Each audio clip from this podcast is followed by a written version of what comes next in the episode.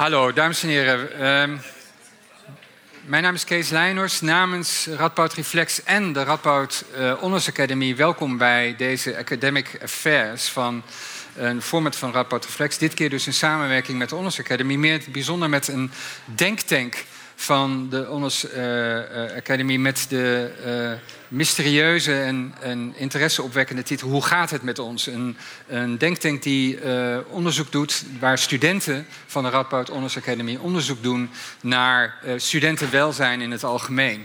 Maar we gaan het niet alleen hebben over studentenwelzijn in het algemeen, we gaan het specifiek hebben over een, een bepaald probleem onder de vlag van studentenwelzijn, namelijk eenzaamheid. En dat lijkt paradoxaal in deze tijd waarin iedereen met iedereen verbonden is via Facebook en Instagram en allerlei andere digitale middelen.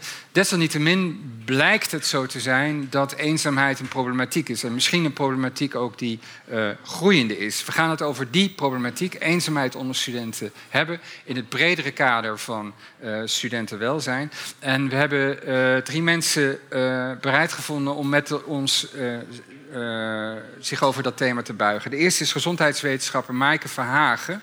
Um, zij begint en zij zal een, een, praatje houden over dit probleem. Zij is werkzaam als universitair docent hier aan de Radboud uh, Universiteit. Doet onderzoek naar eenzaamheid uh, onder jongeren en is ook betrokken bij de denktank van de Onderzoeksacademie als de specialist, um, de docent met de vakkennis. Um, volgende is de studentenpsycholoog um, Marieke van den Burg. Uh, die kent problematiek als eenzaamheid. Natuurlijk veel meer problematiek, maar zeker ook eenzaamheid van uh, dichtbij. Uh, als, werkzaam als studentenpsycholoog hier ook aan de Radboud Universiteit. Houdt zich ook bezig met burn-out preventie onder Radboud studenten. En als derde een vertegenwoordiger van de denktank van de Onderzoeksacademie, student Achie van der Huizeling. Zij is betrokken bij het werk, bij het onderzoeksproject van de denktank en zal van binnenuit, vanuit het onderzoek, maar ook als student uh, een studentperspectief hier uh, vertegenwoordigen. Mag ik aan Maaike vragen om te beginnen?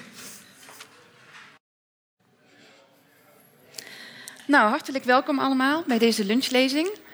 Fijn om te zien dat u bent gekomen om over een belangrijk onderwerp mee te praten en daar iets over te horen, namelijk eenzaamheid onder studenten.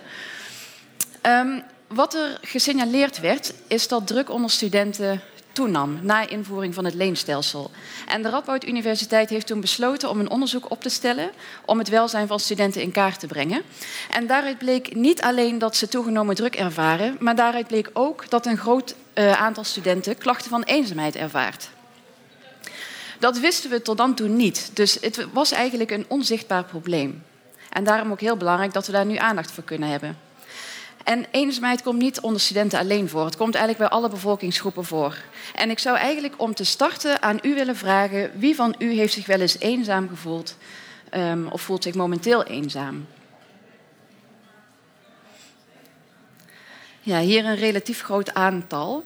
Uh, dat kan komen door affiniteit met het onderwerp natuurlijk. Wat we vaak zien, als ik op uh, wetenschappelijke conferenties deze vraag stel, dan steekt niemand zijn hand op. Um, dat kan te maken hebben met dat mensen de klachten van eenzaamheid niet herkennen of misschien niet erkennen bij zichzelf. Maar het heeft ook voor een groot deel te maken met het taboe wat erop rust. Mensen vinden het vaak toch moeilijk om over problemen zoals eenzaamheid te praten. Uh, daarover later meer. Wat is eenzaamheid eigenlijk? We omschrijven het vaak als een negatieve emotie die een ongewild verschil aangeeft tussen de relaties die men heeft versus de, relaties die men eigenlijk zou willen hebben. Dus het is een subjectieve beleving dat er ergens een tekort zit.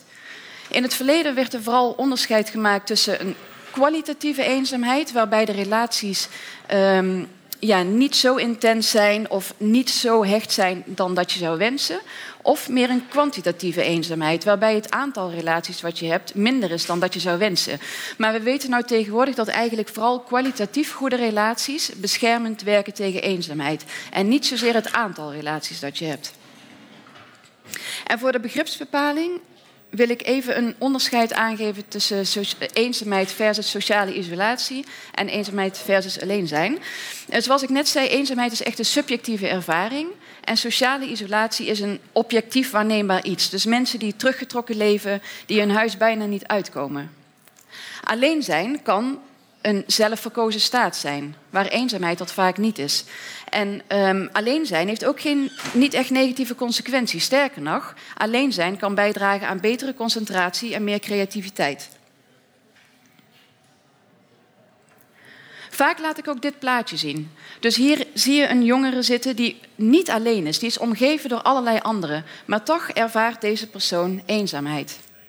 En dit kan bijvoorbeeld een student op de campus zijn. Die is niet alleen hier, maar toch kunnen studenten zich eenzaam voelen. Nou, er zijn uiteraard talloze vragen rondom eenzaamheid die nog beantwoord moeten worden, of sommige zijn deels al beantwoord. Want is eenzaamheid nou een ziekte? Is, het een diagnose of is het op een andere manier vast te stellen? Is het een modeverschijnsel? Heeft het misschien te maken met invoering van sociale media? Worden mensen daar minder eenzaam van, mogelijk juist meer eenzaam? Zijn er misschien bepaalde risicogroepen die meer kans hebben om zich eenzaam te voelen? En daarbij kunt u denken aan mensen die in uh, bijvoorbeeld individualistische samenlevingen wonen versus de meer collectivistische samenlevingen. Is eenzaamheid herkenbaar voor hulpverleners? Of is het herkenbaar voor de mensen in jouw sociale kring? En is eenzaamheid behandelbaar? En nog een misschien belangrijkere vraag: moeten we eenzaamheid eigenlijk wel willen behandelen? En zo ja, welke oplossingen zijn er dan voor dit probleem?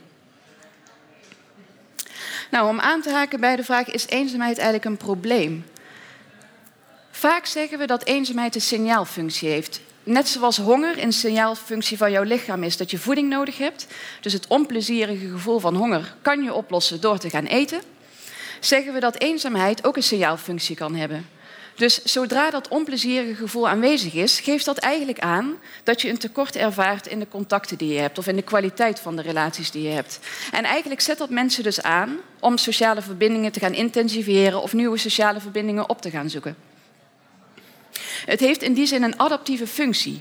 Dus gevoelens van eenzaamheid ervaren zijn in eerste instantie adaptief, want het zet mensen in actie om dat tekort op te gaan lossen.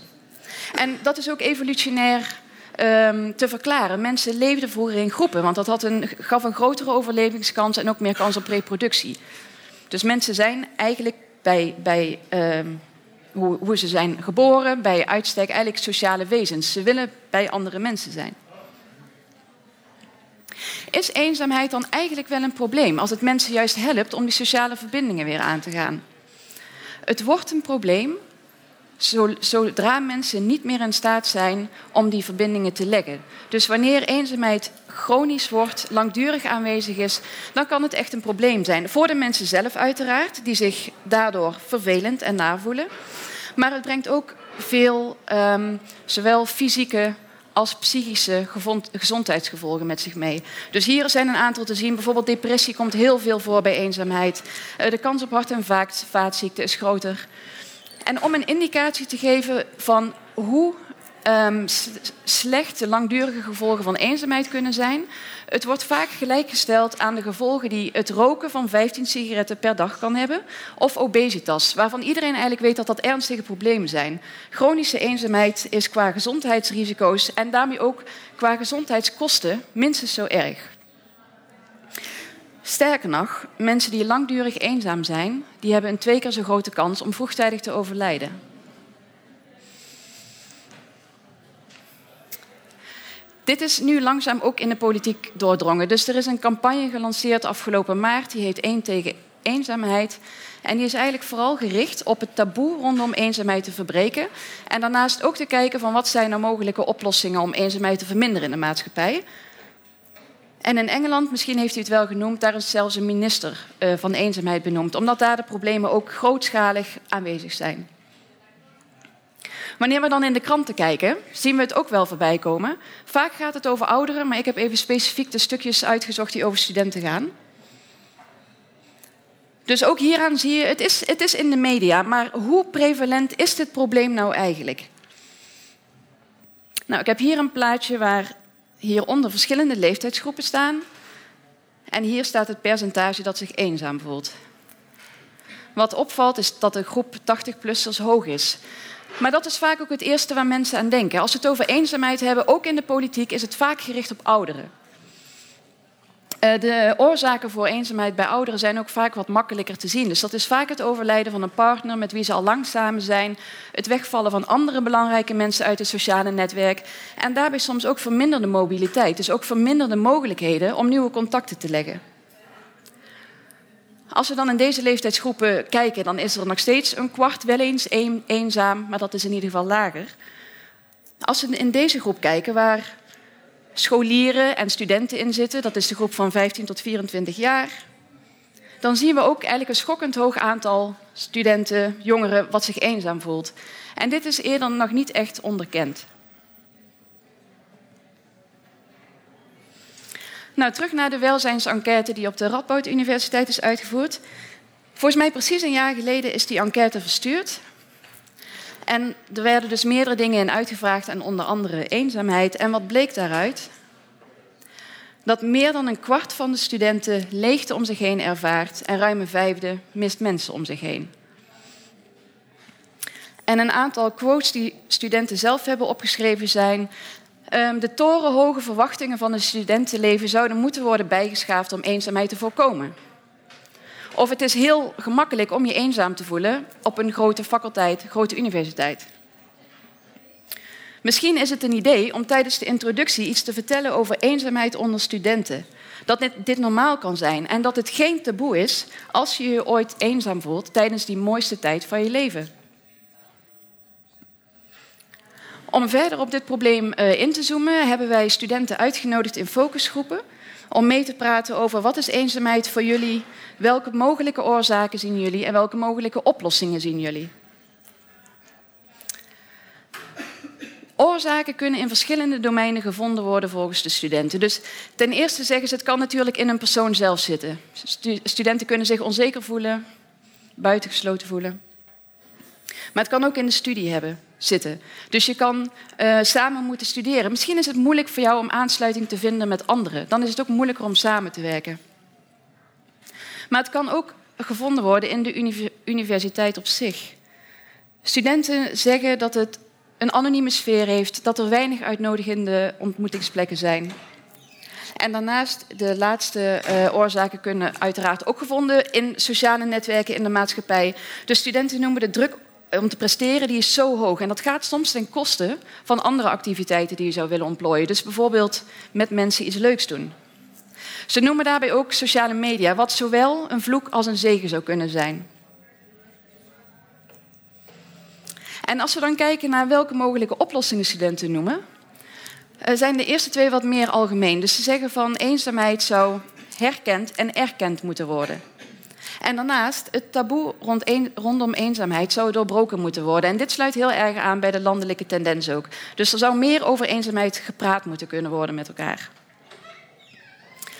Uh, er zijn ook wat oplossingen die ze van, uh, meer binnen het onderwijs zien. En ik noem zomaar een paar. Uh, ze zeggen meer kleinschalige onderwijsvormen. Dus eigenlijk ook weer minder anonimiteit.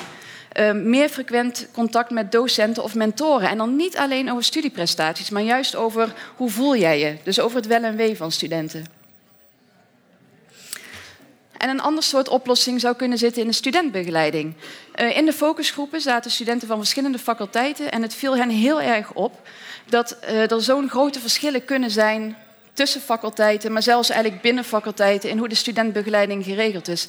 Dus zij zeggen een betere integrale visie op studentbegeleiding zou misschien al een deel van de oplossing kunnen zijn. Dus eigenlijk kortom, de prestaties en het welbevinden op de universiteit zouden meer hand in hand moeten gaan. Dus het is een uitdaging van hoe kunnen studenten nou zoveel mogelijk ruimte krijgen om het beste uit zichzelf te halen, goed te presteren, zonder dat daarbij hun welzijn onder druk komt te staan.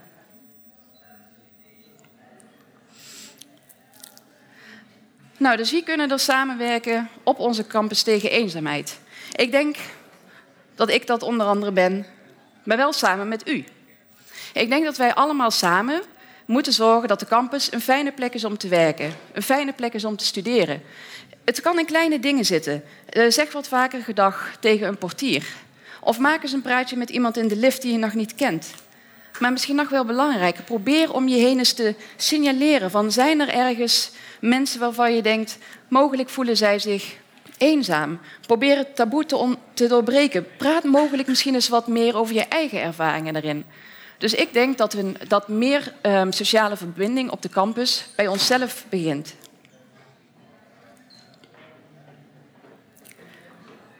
Nou, om af te sluiten wil ik um, de studenten van de Honors Denktank bedanken. Er zijn hier een aantal op de eerste rij aanwezig.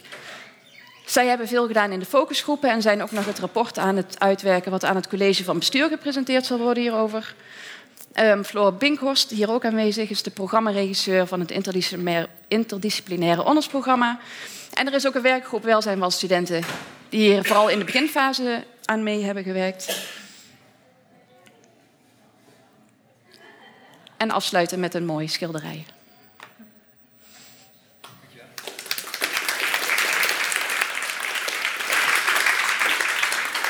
Glas water, als je wil. Alsjeblieft. Um, misschien de eerste vraag aan jou. Uh, Marieke, je bent werkzaam als uh, studentenpsycholoog. Um, uh, herken je deze problematiek van jouw werk in de spreekkamer, in je spreekkamer, zeg maar? Kom je dit, kom je dit tegen, dit, dit verhaal, elementen daaruit? Ja, ja zeker. um, Ja, meestal is bij ons eenzaamheid niet uh, de aanmeldreden. Soms wel, maar uh, het komt wel best veel voor onder de studenten die zich bij ons melden. Um, en dan, ik, ik, herken ja, eigenlijk van alles, want het is een heel uitgebreid verhaal. Maar onder andere dat het dan vooral gaat om mensen die dichtbij je staan. Iemand bij wie je echt nou, persoonlijke dingen ook kwijt kan. Als dat ontbreekt, dat dat bijvoorbeeld echt wel gemist wordt ja, ik herken uh, van alles eigenlijk. Mm -hmm. En uh, uh, wat is de relatie tussen eenzaamheid en andere uh, problematiek? Want je krijgt ja. mensen langs voor van alles. Ja. is eenzaamheid een specifiek probleem? Of is het, is het misschien ook een signaal voor wat anders?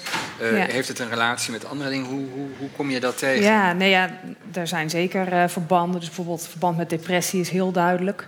Veel mensen die zich depressief voelen, die voelen zich ook eenzaam. Als je eenzaam voelt, kan dat leiden tot depressie. Maar als je depressief voelt, dan kan het er ook toe leiden dat je terugtrekt uit contacten.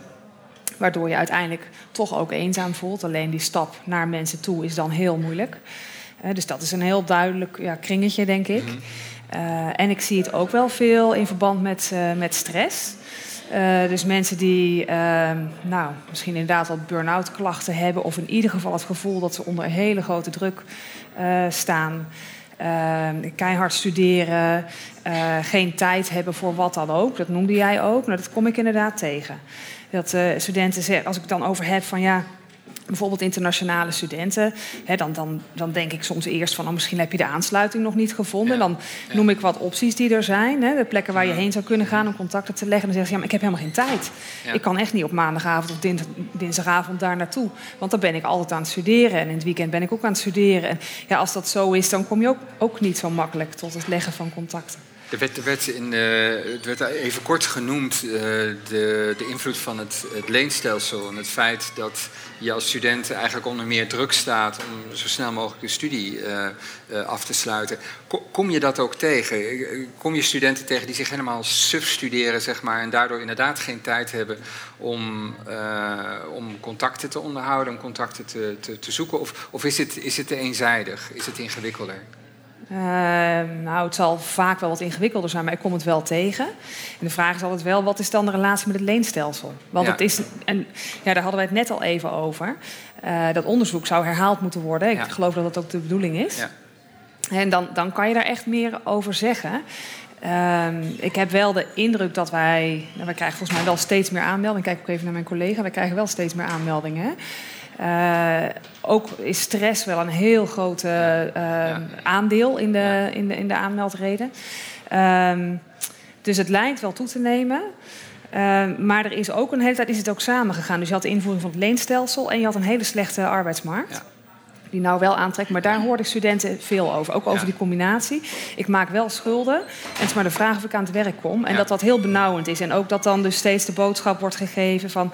zorg dan dat je eruit springt. Maar -hmm. iedereen moet er dan dus uitspringen. Ja. En dat geeft dus wel stress. Dat geeft extra veel druk. Ja. en dan kan het inderdaad ook toe leiden dat je ja, wat ik net zei, hè, dat je dan dus zo druk bent uh, dat je nou ja, bewust ook uh, niet bij een vereniging gaat, uh, niet bij een sportclub gaat. -hmm.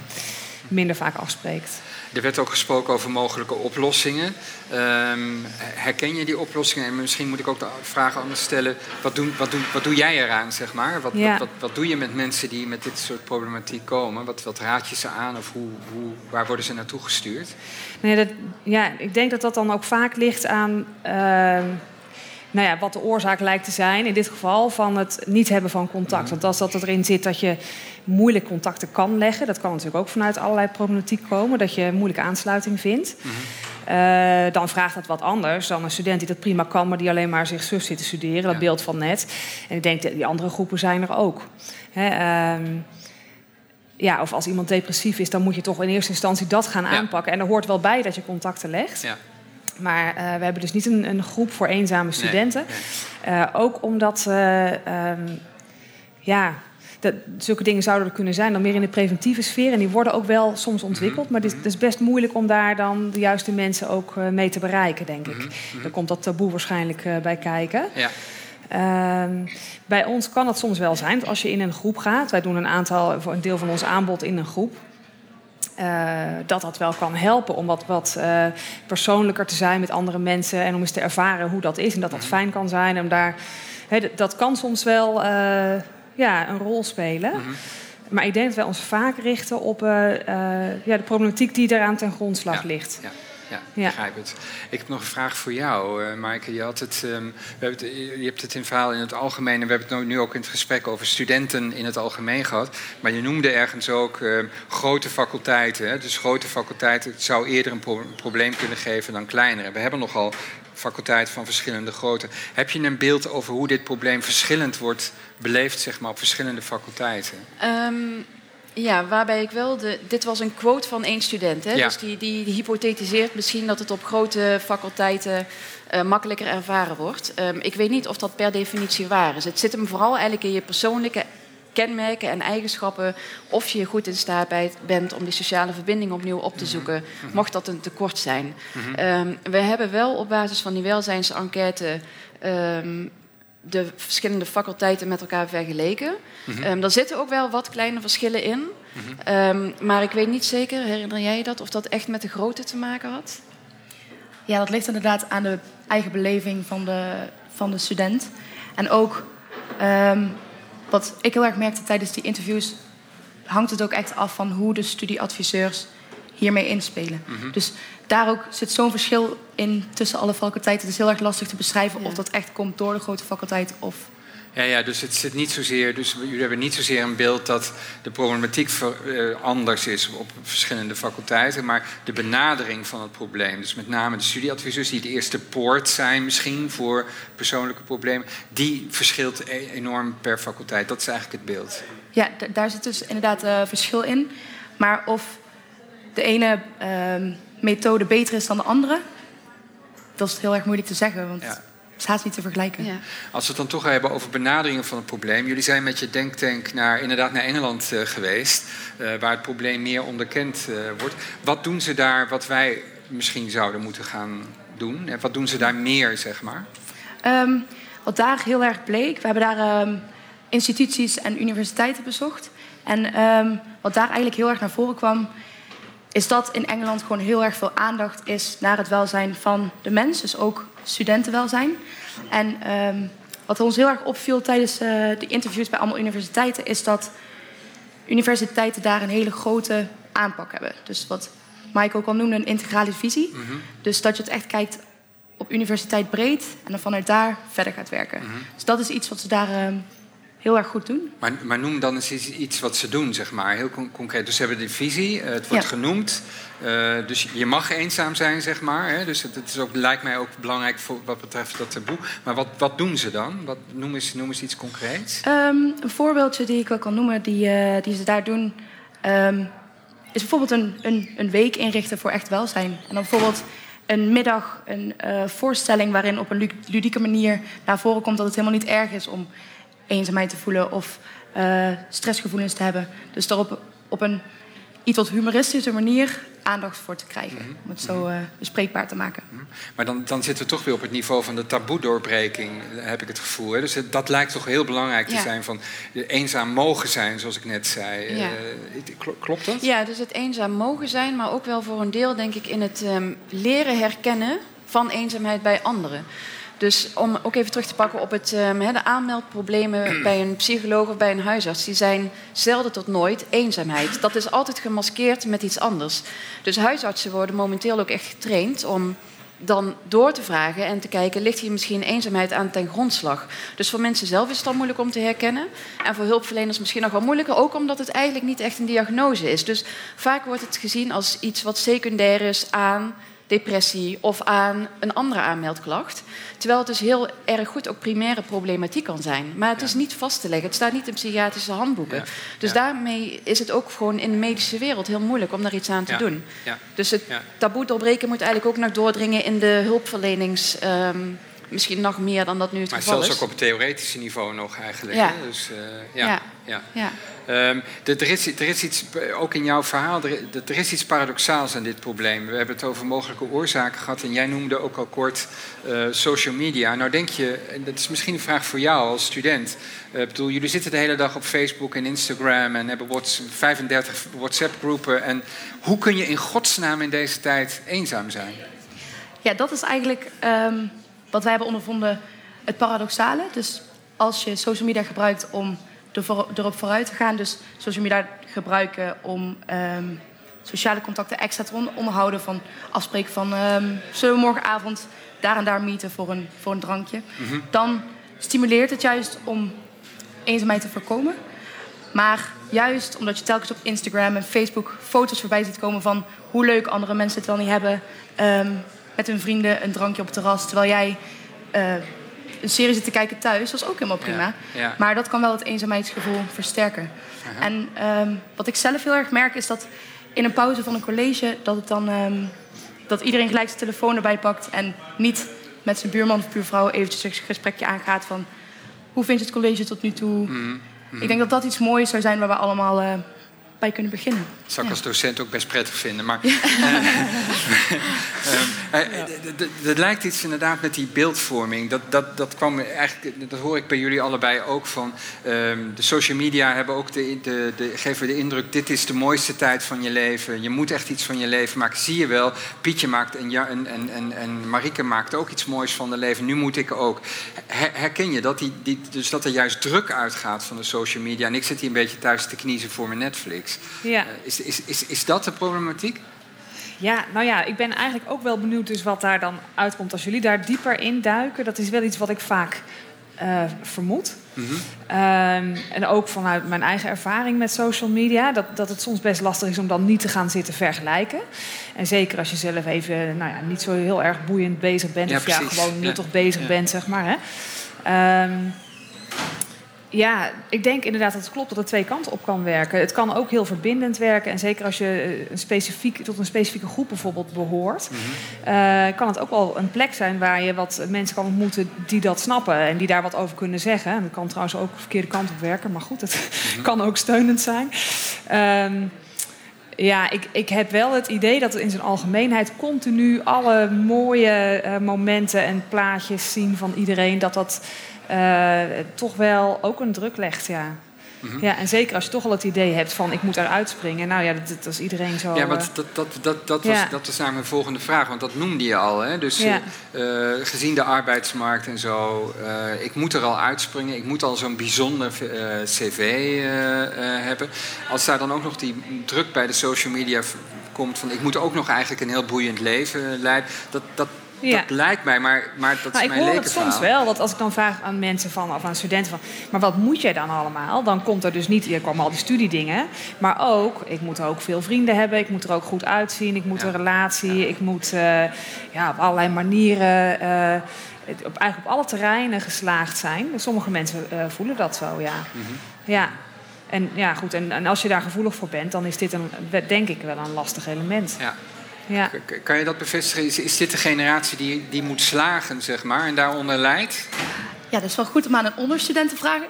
maar, ehm, Ik denk zeker dat het iets, iets, iets belangrijks is. Want ehm, ik, studeer, ik, studeer, zelf economie. En juist omdat zoveel studenten eigenlijk uh, economie studeren, is, is het heel erg belangrijk om, om daarin uit te blinken. En ook um, interdisciplinair opge, opgeleid te worden. Dus echt kennis kunnen combineren. En juist omdat er zoveel gevraagd wordt eigenlijk, dat is voor ons, in ieder geval voor mijn gevoel, wordt er veel gevraagd van de maatschappij om straks echt een goede baan te kunnen krijgen. Um, om breed opgericht, uh, opgeleid te, te zijn, mm -hmm. denk ik dat het wel veel druk geeft aan, uh, ja. aan studenten. Ja, dus dat lijkt echt wel het beeld te bevestigen. Ja. ja. Ik, ik, wil nog, uh, voordat we naar het publiek gaan, nog, nog iets over um, toch mogelijke, mogelijke oplossingen. Er is gesproken over de taboe-doorbreking, de bewustwording. Maar is er nog meer te doen? Zou, zou, zou er nog, uh, nog concretere maatregelen? Er is ook gesproken over de studieadviseurs als poort, zeg maar, als poortwachters, onder andere naar de studentenpsychologen toe uh, bijvoorbeeld. Kan daar meer gedaan worden? Zou je daar iets over kunnen zeggen? Um, ja, ik, een meer algemene aanbeveling die voor iedereen zou gelden, dus niet specifiek voor studenten, maar zeker wel toepasbaar is. En dat sluit aan bij het social media gebruik, is vooral het uh, realistische verwachtingen hebben van de vriendschappen die je hebt, maar ook hoe social media gebruikt wordt. Eigenlijk moet je gewoon goed inzicht hebben in Um, nou ja, hoe mensen social media gebruiken, hoe je daar zelf op kan reageren, zodat het inderdaad jouw bestaande connecties versterkt. Maar ik denk vooral wat we zien, en ook bij jongeren, dus uh, middelbare scholieren, is dat zij vaak onrealistische verwachtingen hebben van relaties. Dus um, tientallen jaren geleden, toen er onderzoek werd gedaan van, uh, naar vriendschappen, dan werd er altijd gevraagd van um, wie zijn jouw beste vrienden in de klas en hoeveel vrienden heb je en dan noemen ze een aantal van twee of drie beste vrienden. Maar als je tegenwoordig middelbare scholieren vraagt hoeveel vrienden heb je, dan zeggen ze 700. Want dat zijn hun volgers op Instagram bijvoorbeeld. Dus het, het realisme is er ook een beetje uit weg. Dus ik denk um, de realistische verwachtingen over relaties en wat je van ze kan verwachten. Ik denk dat dat voor iedereen helpend zou zijn. Maar dat is tegelijkertijd heel moeilijk voor jongeren om zelf te zien. Um, dus ja, dat, dat is ook dan ook weer niet de makkelijkste oplossing, maar wel de meest concrete, denk ik, die voor nu zeg maar, het meeste houvast biedt. Mm -hmm. ja. Kun jij dat bevestigen? Um, ja, nou ik denk dat verwachtingsmanagement altijd wel goed is. En dat idee van studeren, hè, de tijd van je leven. Dat, ik vond altijd een groot verschil zat tussen de verhalen van mijn vader zijn studietijd. En toen ik ging studeren, toen het ook al toch al een stukje sneller moest. Um, dus ook ideeën over studententijd. Ik kan me uh, zelf ook nog herinneren dat zo de, in mijn eerste jaar, uh, zo tegen de kerstvakantie, dat ik wel ook een beetje me eenzaam voelde. Ik dacht, ik heb hier eigenlijk de mensen nog niet zo gevonden. Nou, mijn buurmeisje die kwam echt in een soort, nou niet echt een crisis, maar die, die zat op een gegeven moment ook bij mij. Terwijl ik dacht dat ze een superleuk leven had met heel veel mensen. Van ik, ik heb het ook nog niet gevonden. Op een gegeven moment kwamen we erachter, het is best wel normaal in je eerste jaar dat ja, dat het wel even duurt voordat je echte vrienden hebt. Dus al die leuke contacten die eerste maanden, dat zijn nog niet meteen vrienden. Dus ik denk dat dat wel iets is. En ik vraag me ook toch wel af, dat is een suggestie ook uit jouw uh, presentatie, of er iets met die sociale structuur in, uh, op de universiteit. Dus hè, als je meer in mentorgroepen werkt, of dus wat meer um, begeleiding, of nou ja, laat ik gewoon zeggen contact in de studie. Um, of dat nu toch ook hel helpend zou kunnen werken. Want ik denk dat een studentenpsycholoog is natuurlijk niet de eerste stap. Nee. dat, is, dat is soms nodig. Maar je wilt eigenlijk dat het al veel eerder uh, aangepakt wordt. Mm -hmm. Maar het is ja. eigenlijk vooral ook een andere focus. Want alle faculteiten hebben wel een of andere vorm van mentoraat. Maar het lijkt vooral ja. in een ander soort focus uh, te liggen. Dus dat je, dat je bij deze dingen terechtkomt. Dat dit ook een onderwerp kan zijn. Ja. Ja, en dan komt dat taboe toch ook wel weer. Uh, mm -hmm. want dat hoor ik wel, wel van studenten dat ze eh, wel een mentor hebben die ze steeds zien. En dat ze dit soort dingen dan gewoon niet zeggen. En überhaupt twijfels van kan ik het wel of zo al niet eens durven zeggen. Want ze moeten toch straks wel, ze moeten dat BSA halen. Of ze willen door die selectie van de master. En dan heb je toch het idee, ja. sommige studenten, hè, dat, dat het er niet bij hoort dat je dan... Ja, ja dan hou je je mond erover. Ja. Ja. ja. en daarop aansluiten denk ik ook dat niet alle mentoren toerust zijn om deze nee, problematiek nee, te bespreken met hun studenten. Ja. Dus waar we misschien binnen een sociale faculteit um, daar iets meer door eigen opleiding know-how over hebben, maakt het misschien gemakkelijker om ook je eigen studenten te bevragen. Maar ik kan me voorstellen op andere faculteiten dat, mentoren dat, ja, dat niet gemakkelijk doen. Nee, maar goed, die mentoren kunnen geïnstrueerd worden en kunnen ook een loketfunctie ja. hebben, kunnen ook doorverwijzen bijvoorbeeld naar Zeker. Ja. Uh, studieadviseurs en psychologen. En dat, daar lijkt me wel winst te behalen, toch? ja. Ik was Goed. ook benieuwd of dit in Engeland anders gaat. Ja. Dat, hè, want ik heb wel zo'n beeld, maar dat komt ook uit de film van Oxford en zo. Dat je dan zo'n tutor hebt uit, of, of hoe heet zo'n student uit een oude jaar. Gaat dat daar echt zo? Ehm, we hebben drie universiteiten bezocht. En ik kan me nu zo snel precies, niet precies meer herinneren hoe dat zat met eh, studieadviseur en begeleiding. Maar wel dat ze echt één hele grote cen- centrale plek op de universiteit hadden waar eh, studenten heel gemakkelijk heen konden gaan. Waar allemaal boekjes lagen waar precies in, stond van ehm, als je deze klacht hebt, dan zou je misschien dit kunnen doen om het zelf op te lossen. En mocht het niet lukken, dan eh, zou je daar verder kunnen zoeken. En zo ook ehm inhakend op wat straks gezegd werd, ehm, om eenzaamheid zichtbaar te, te maken. Dus er stond ook echt in dat boekje van... zie je vrienden die misschien iets minder sociale contacten hebben dan jijzelf... dan eh, zou je eens kunnen, kunnen gaan kijken of die daar tevreden mee is. Ehm, ik weet niet of dat een beetje je vraag Meer gericht op het signaleren Ja. bij anderen. Ja. Ja. Maar als het gaat om meer eh, eh, contact met eh, bijvoorbeeld docenten of Maar ik denk dat dat vooral mentoren, voor Oxford en tutoren. Cambridge geldt. Ja, Dus dat zou waar ze- kunnen, hoor. Dat is Waar, waar, voor ze niks heel zo duur erg, waar ze heel erg selecteren. Ja. En waar dus de studentenaantallen ook klein zijn en je met z'n drieën één tutor iedere week Ja. ziet. Ik denk dat dat voor andere Ja. universiteiten heel anders is. Ja, Die veel ja. grotere fabrieken zijn, denk ik. Ja. Oké, we moeten stoppen. Iedereen moet weer naar zijn colleges en zijn eh, werk toe. Om te beginnen de eh, sprekers Marieke, Maaike, Achie, heel erg bedankt. Grote applaus voor hun.